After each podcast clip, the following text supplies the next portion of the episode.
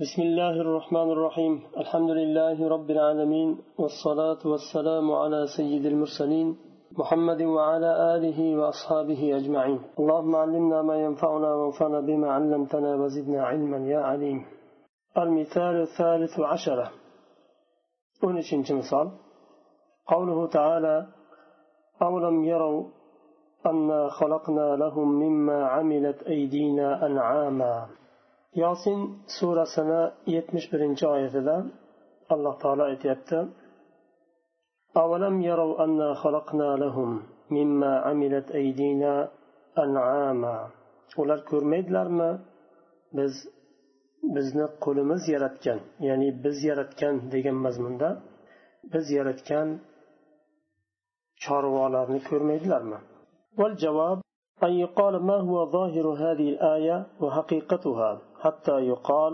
إنها صرفت عنه bu oyatni qanday tushunamiz va zohiri bu oyatni nima va haqiqati nima bu o'zini haqiqatidan burildimi yo haqiqatida qoldimi هل يقال إن ظاهرها أن الله تعالى خلق الأنعام بيده كما خلق آدم بيده أو يقال إن ظاهرها أن الله تعالى خلق الأنعام كما خلق غيرها لم يخلقها بيده.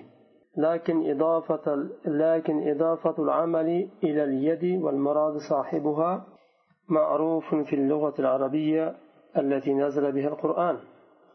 وآية ظاهرة الله تعالى chorvoni o'z qo'li bilan yaratdimi? Odam alayhissalomni yaratganidek yoinki chorvadan boshqa narsalarni yaratganidek yaratdimi? Va bu amalni yaratishlik fe'lini qo'liga izofa qildimi? Bu narsa arab tilida ma'ruf. Mimma amilat aydina deganda arab tilida tushunarli so'z bu ya'ni qo'li qo'lim bilan yaratdim degan mazmun chiqmaydi bundan. Shayx rahimaulloh bu yerda javob beradilar.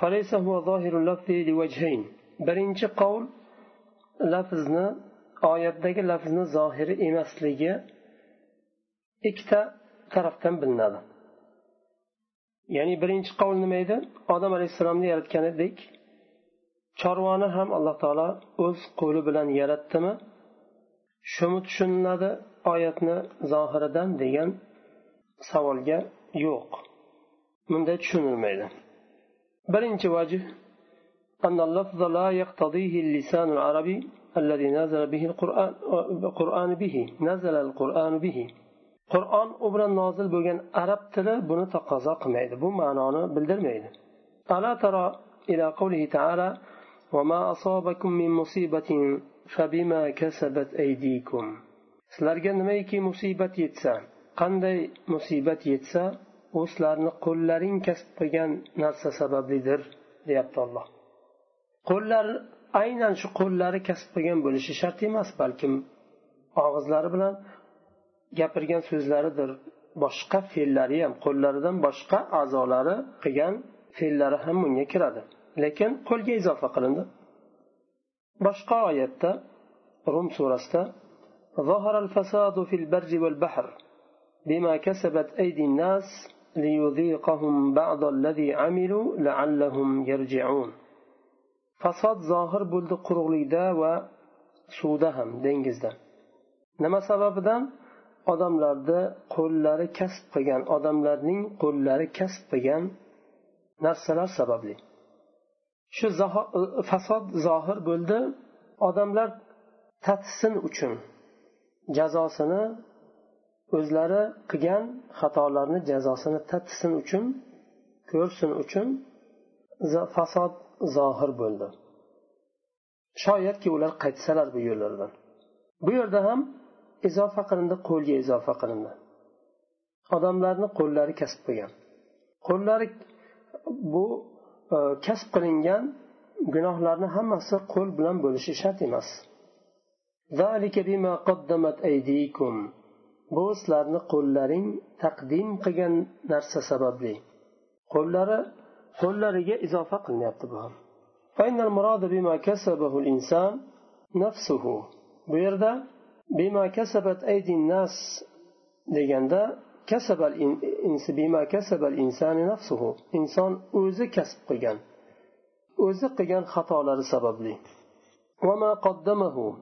O'zi taqdim qilgan qo'li qo'lga izofa qilinyapti lekin tushuniladi inson o'zi taqdim qilgan amali sababli وإن عمله بغير يده بخلاف ما إذا قال عملته بيدي يعني بيدي inson o'zi kasb qilgan narsa sababli o'zi taqdim qilgan narsa sababli degan ma'no berilyapti agar inson qo'lidan boshqa a'zolari qilgan bo'lsa buni buni xilofiga agar kishi amiltuhu biyadi desa qo'lim bilan qildim desa unda qo'li bilan qilganligi tushuniladi كما في قوله تعالى فويل للذين يكتبون الكتاب بأيديهم ثم يقولون هذا من عند الله ويل بسن kitobni qo'llari bilan yozib keyin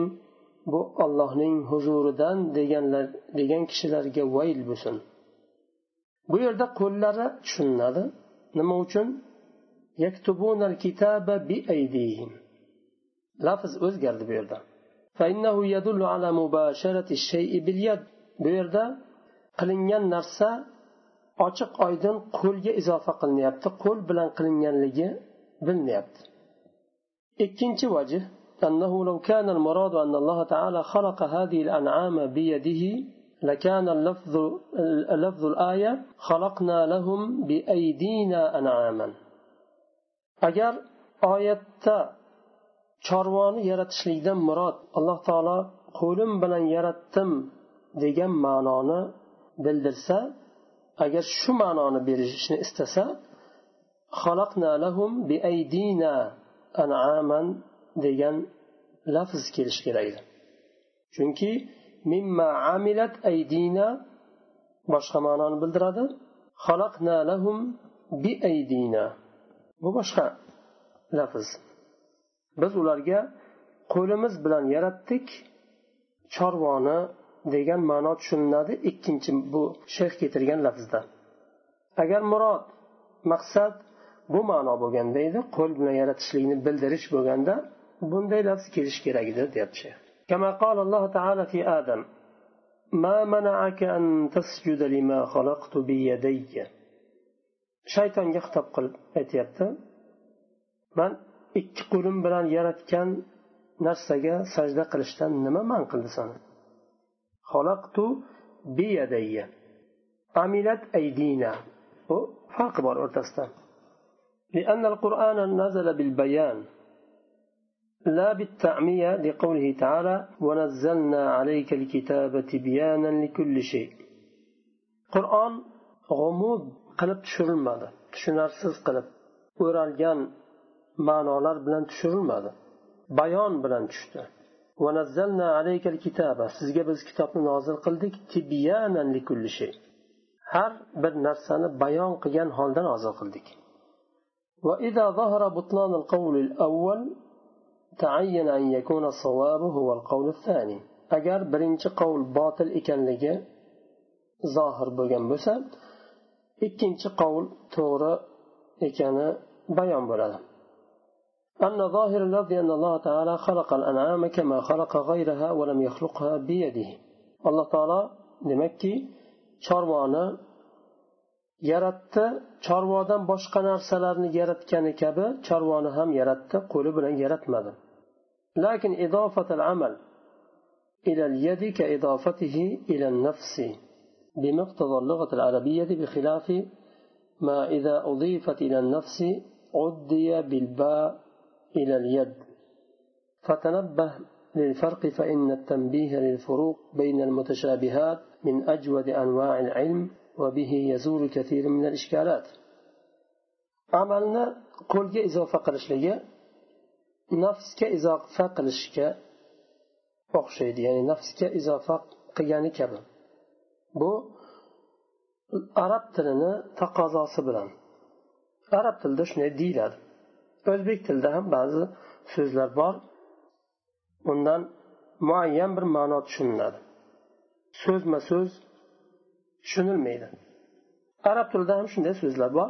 So'zma so'z tushunilmaydi. Muayyan bir ma'no tushuniladi agar nafsga izofa qilinsa va b bilan mutaaddiy qilinadigan bo'lsa b harfi bilan qo'lga bu holda o'zgaradi ma'no. Bu arab tilini qoidasi. B bilan mutaaddiy bo'ladigan bo'lsa bi aydina lima xalaqtu bi yadayya. B bilan mutaaddiy bo'lyapti. shu farqlarga e'tibor bering deyapti shayx bu mutashabih bo'lgan haligi bir necha ma'no tushunishligi ehtimoli bo'lgan lafzlarni o'rtasidagi farqlarga e'tibor beringlar bu uni ajratib olishlik eng yaxshi ilmlardan sanaladi va shu bilan ishkorotlar ketadi المثال الرابع عشر 14 مثال قوله تعالى إن الذين يبايعونك إنما يبايعون الله يد الله فوق أيديهم sizga bay'at beradiganlar berayotganlar allohga bay'at beradilar allohning qo'li ularning qo'llarining ustidadir والجواب أن يقال هذه الآية تضمنت جملتين جواب ذا aytyaptilar shayx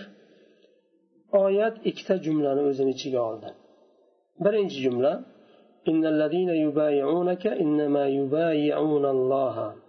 sizga bay'at berayotganlar allohga bay'at beryaptilar.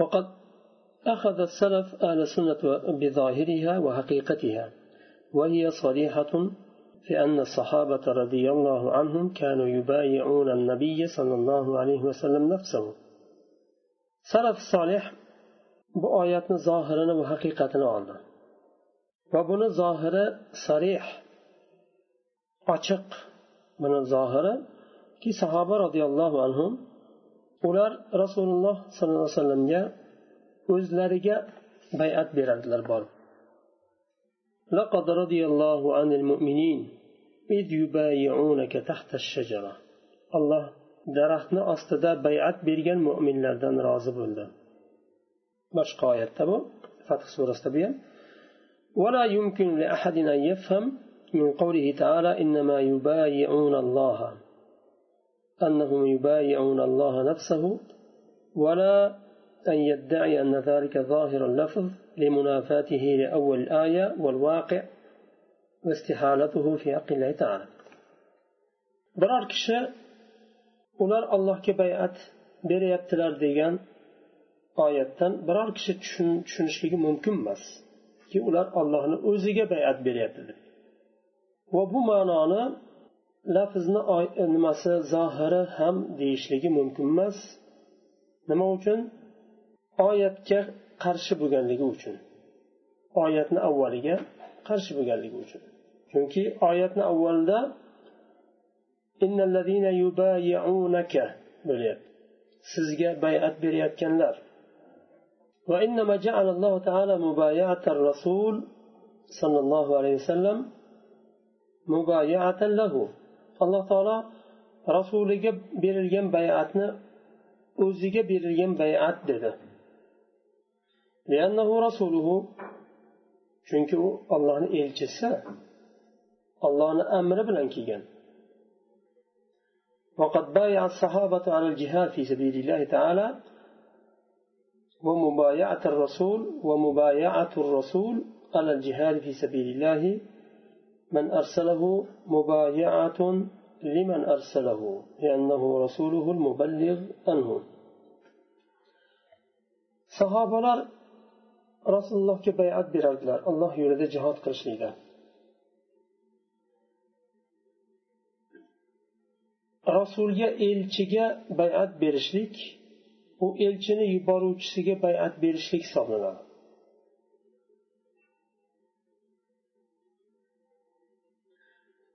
chunki u elchi yetkazuvchi olloh tarafdan allohni amrini yetkazuvchi كما أن طاعة الرسول طاعة لمن أرسله لقوله تعالى من يطع الرسول فقد أطاع الله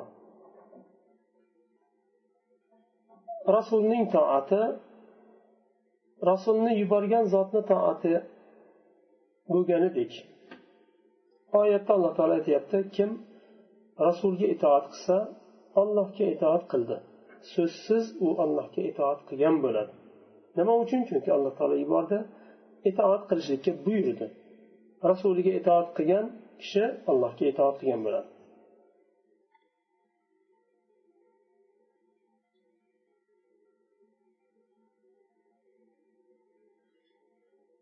Rasul allohni amrini keltirdi.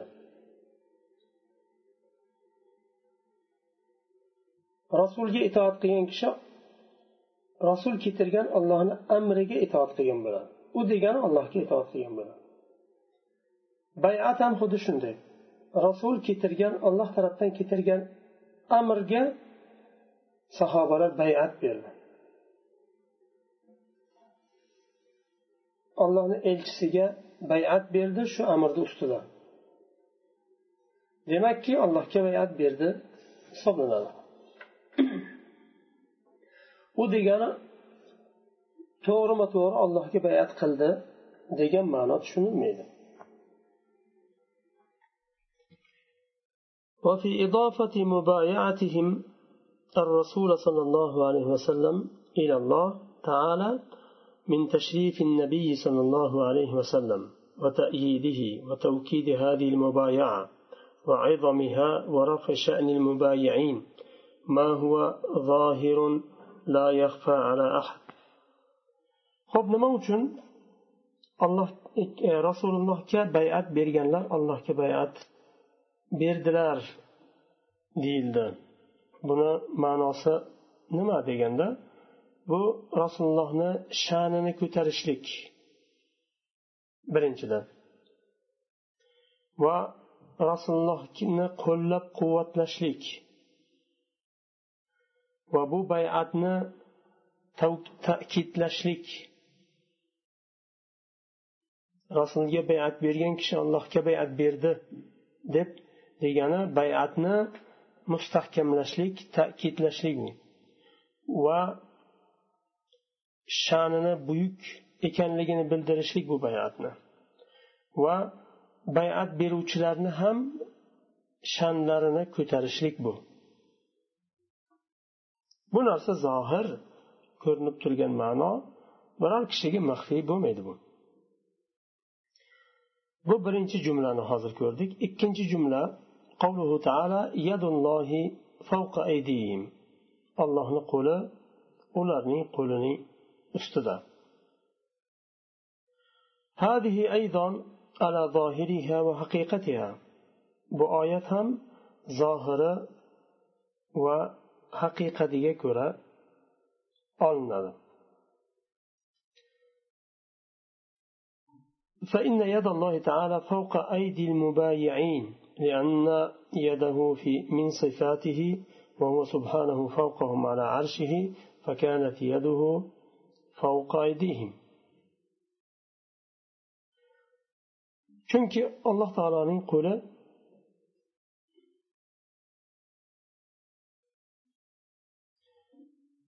allohning sifatlaridandir.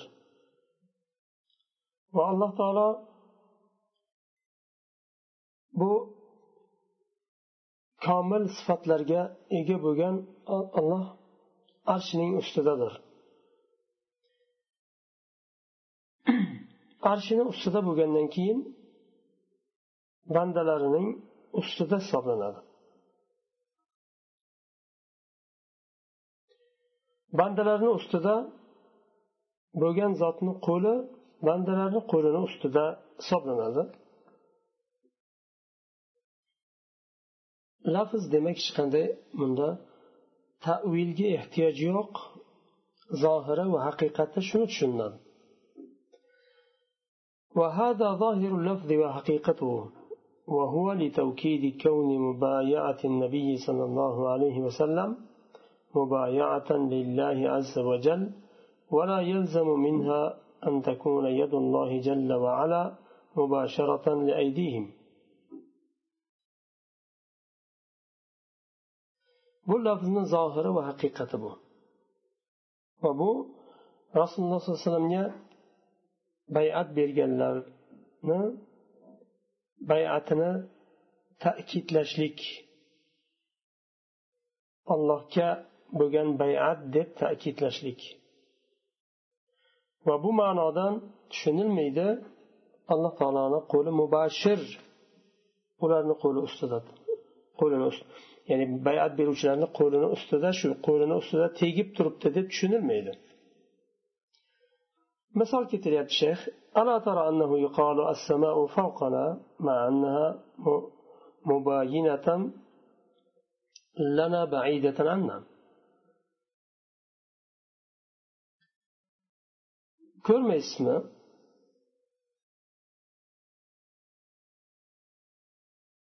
assamau fawqana deyiladi osmon ustimizda bizni bizning ustimizda deyiladi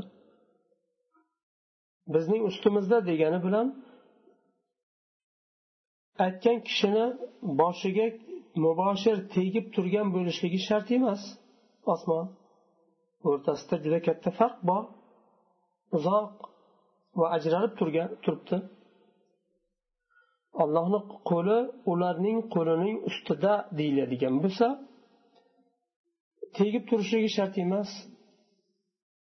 ajralib turgan bo'lsa ham uzoq bo'lsa ham tegib turgan bo'lishligi shart emas yaxshi misol keltirgan osmon bizning ustimizda deganda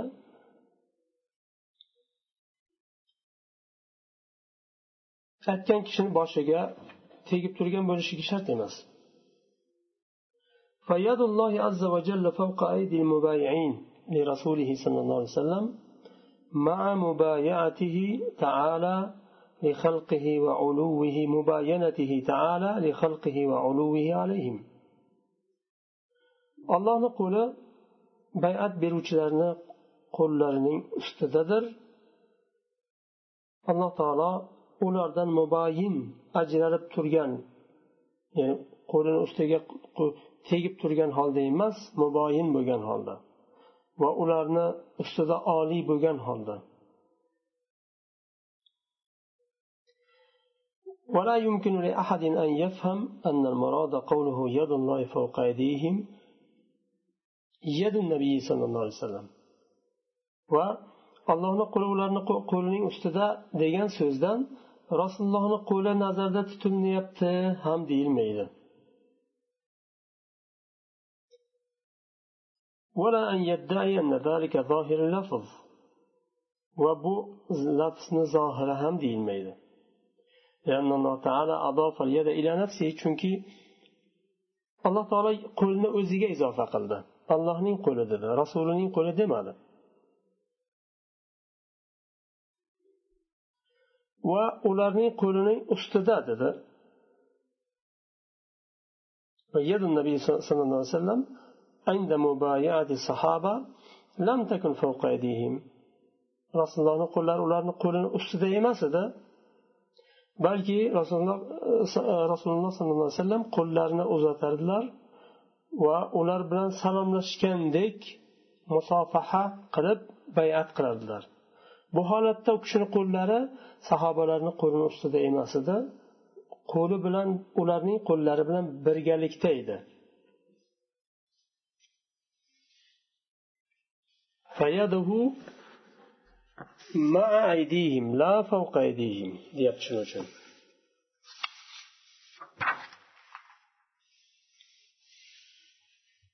bular hammasi e, lafzni zohiri va haqiqatini tushunishlik uchun shayx tatbiqiy bir misollar keltirgan o'quvchilarga ravshanlashtirishlik uchun المثال الخامس عشرة أم بشنش مثال قوله تعالى في الحديث القدسي يا ابن آدم مرضت فلم تعدني hadis qudusiyda alloh taolo aytyapti ey odam farzandi men kasal bo'ldim ziyorat qilmading bu hadisni muslim rivoyat qilgan kasallarni ziyorat qilishlik fazilatida abu hurayra roziyallohu anhudan hadis rivoyat qilinadi rasululloh sollallohu alayhi vasallam robbilaridan rivoyat qilgan hollarida aytadilar alloh taolo yaqul yawmil qiyama alloh taolo qiyomat kunida aytadi yabna adam maridtu falam taudni kasal bo'ldim ziyorat qilmading ko'rishga kelmading قال يا رب كيف أعوذك وأنت رب العالمين ey rob yo rob qanday man seni ziyorat qilaman ko'rishga boraman sen olamlarni robbisi bo'lsang قال أما علمت أن عبدي فلانا مرض فلم تعده أما علمت أنك لو عدته لوجدتني عنده falonchi kasal bo'lganda kasal bo'lganini bilmagandingmi agar shu bandamni ziyorat qilganingda mani o'sha yerda topardingku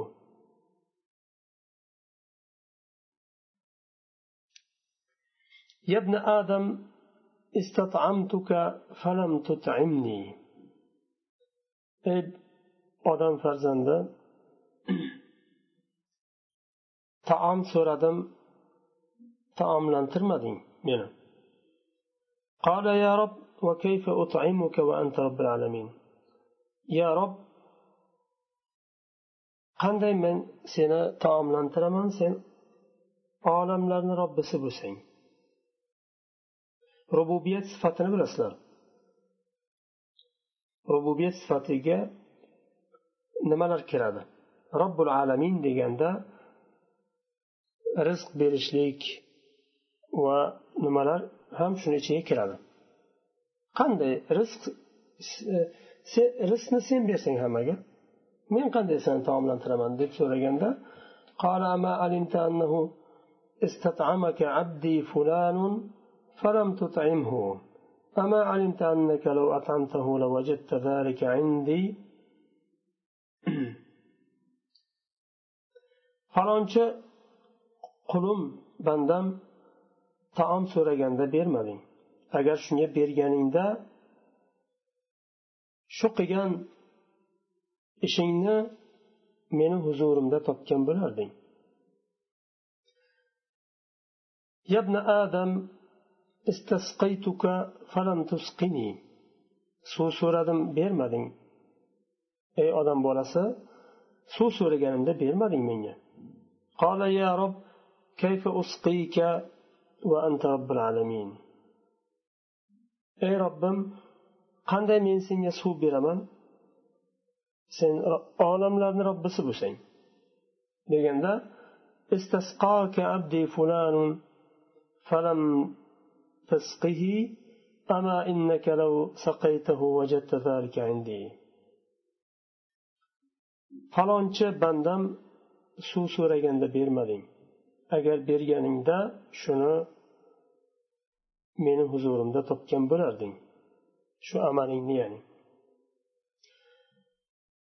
والجواب إن جواب يا شيخ أن السلف أخذوا بهذا الحديث ولم يصرفوه عن ظاهره بتحريف يتخبطون فيه بأهوائهم سلف صالح بو حديثنا ظاهر يكور ألدلر وظاهر دان bo'lmadilar boshqa ma'nolarga o'zlarini havolari bilan tafsir qilmadilar uni وإنما فسروه بما فسره به المتكلم به alloh taolo qanday tafsir bergan bo'lsa shunday tafsir qildi salaflar قوله مرضت واستطعمتك واستسقيتك بينه الله تعالى بنفسه kasal bo'ldim taom so'radim suv so'radim degan so'zlarni alloh taolo o'zi bayon qildi ama alimta أن عبدي فلانا مرض أنه استطعمك عبدي فلان واستسقاك عبدي فلان falonchi bandam kasal bo'lgandi falonchi qulim taom so'ragandi falonchi bandam suv so'ragandi deb olloh o'zi tafsir qildi buni وهو صريح في أن المراد به مرض عبد مرض عبد من عباد الله واستطعام عبد من عباد الله واستسقاء عبد من عباد الله bu sarih ochiq ko'rinib turibdi bu hadisni ma'nosi ochiq bo'lib turibdi bundan murod allohni bandalaridan bir banda kasal bo'lganligi allohni bandalaridan bir banda taom so'raganligi allohni bandalaridan bir banda suv so'raganligi sarih ochiq aytilindi tafsir qilindi والذي فسره بذلك هو الله المتكلم به وهو أعلم بمراده buni tafsir qilgan zot alloh taolo bu hadisni qudusiyni gapirgan zot buni tafsir qildi Va alloh taolo murodini yaxshi biladi bu hadisni aytarkan nimani maqsad qilayotganligini. وإذا فسرنا المرض المضاف إلى الله واستطعام المضاف إليه والاستسقاء المضاف إليه بمرض العبد واستطعامه واستسقائه لم يكن في ذلك صرف للكلام عن ظاهره أجر allohga izofa qilingan kasal bo'lishlikda taom so'rashlikda va suv so'rashlikni bandaga izofa qilinadigan bo'lsa u so'zni zohiridan burilgan deb hisoblanmaydi chunki alloh taolo o'zi tafsir qilib aytyapti buni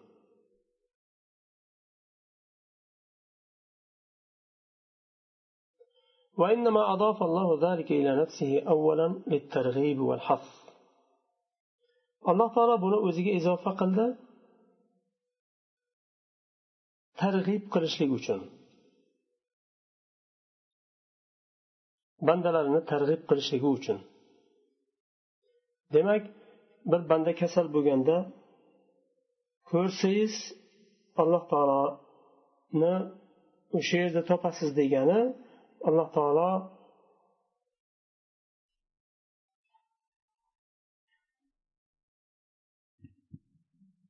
xabardor ko'rib bilib turibdi borib e, shu kasalni ko'rganingizni va shu narsani ajrini allohni oldida topasiz.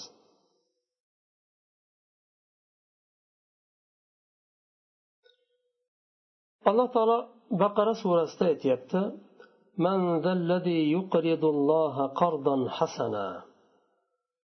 allohga kim qarz beradi?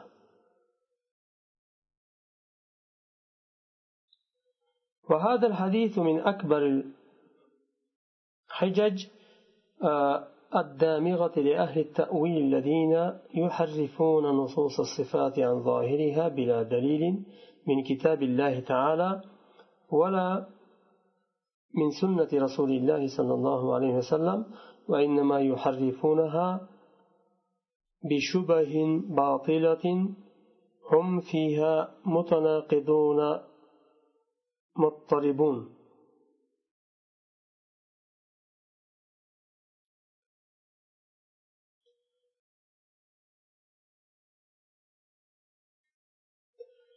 Yuqoridagi oyatni hadisni shayx aytdi э, targ'ib qilishlik uchun alloh taolo o'ziga izofa qildi.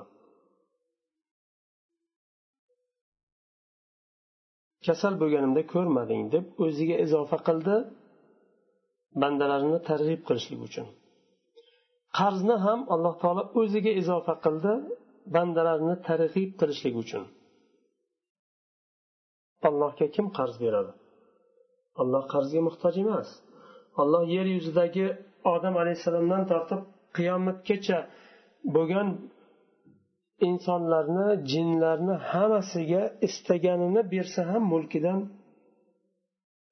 biror bir tomchi kamaymaydi. Bunaqangi mulkini kengligini chegarasi bo'lmagan zot qarzga muhtoj emas. Lekin nima o'ziga izofa qildi? Bandalarni undashlik targ'ib qilishlik uchun.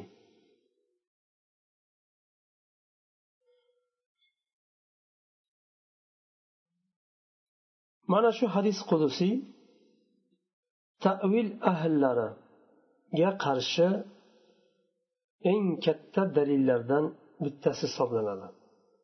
Ular allohni kalomini zohiridan dalilsiz burishadi va tahrif qilishadi botil bir shubhalar bilan. Va shu shubhalarda ham o'zlari mutanaqid bir biriga qarama qarshi bo'ladi keyin. Muttarib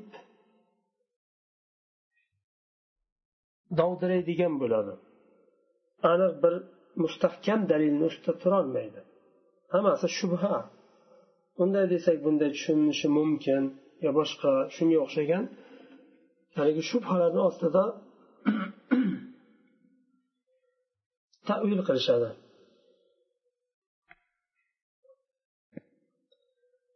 إذ لو كان المراد خلاف ظاهرها كما يقولون لبينه الله تعالى ورسوله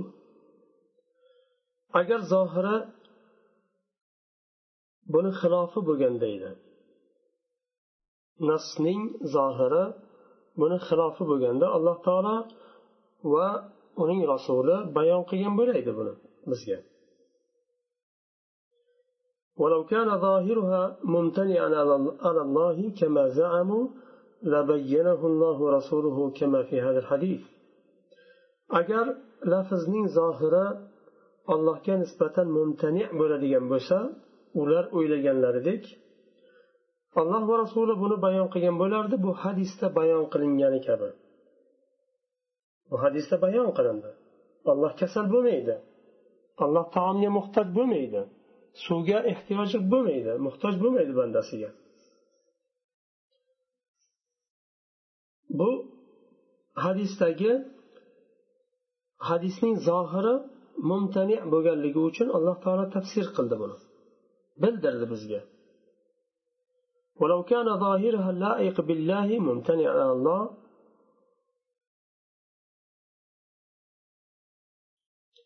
لكان في الكتاب والسنة من وصف الله تعالى بما يمتنع عليه ما لا يحصى إلا بكلفة وهذا من أكبر المحال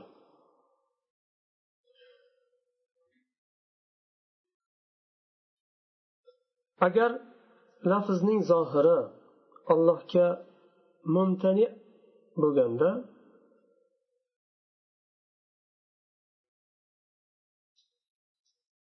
qur'on va sunnatda allohni kelgan sifatlari. Qur'on va sunnatda kelgan allohning sifatlari. Allohga mumtani deb gumon qilingan sifatlar ko'p kelgan bo'lardi va bu muhol bu narsa. Va qur'onda va sunnatda allohga mumtani bo'lgan sifatlar ko'p kelgan degan natija chiqadi agar ularni qarashi bilan qaralsa. bu narsa mumtani qanday qur'on qiyomatgacha bo'lgan ummatni dasturi qur'onda hech qanday shak shubha yo'q g'umud bo'lgan noaniqlik o'ralgan bir ma'nolar yo'q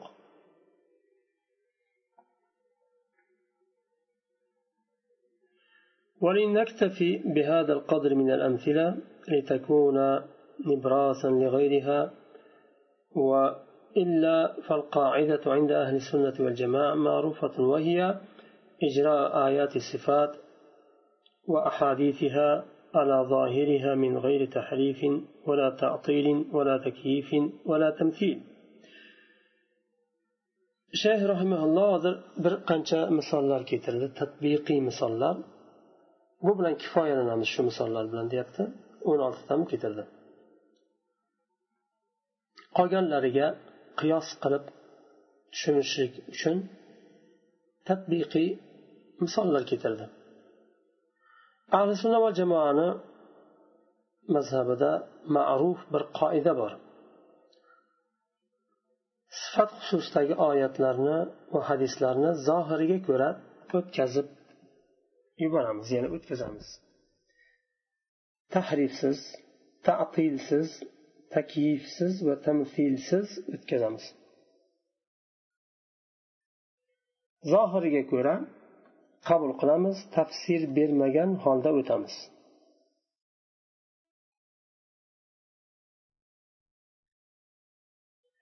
Hadis hadis qudusiyda yuqorida o'tgan alloh taoloni o'zi tafsir berdi uchun biz shunday bu narsani va tafsir bu shu ayni shu tafsirni biz ham beramiz.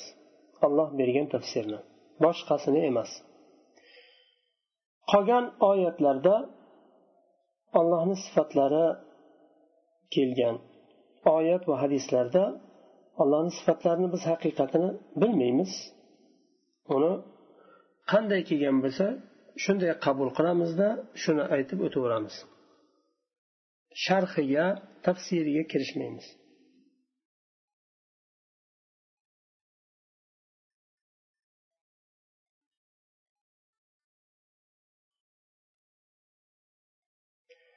وقد تقدم الكلام على هذا مستوفى في قواعد نصوص الصفات والحمد لله رب العالمين يقال قواعد نصوص الصفات من باب ده yetarli so'z gapirildi alhamdulillahi robbil alamin endi kelasi darsda inshaalloh xotimanidan boshlaymiz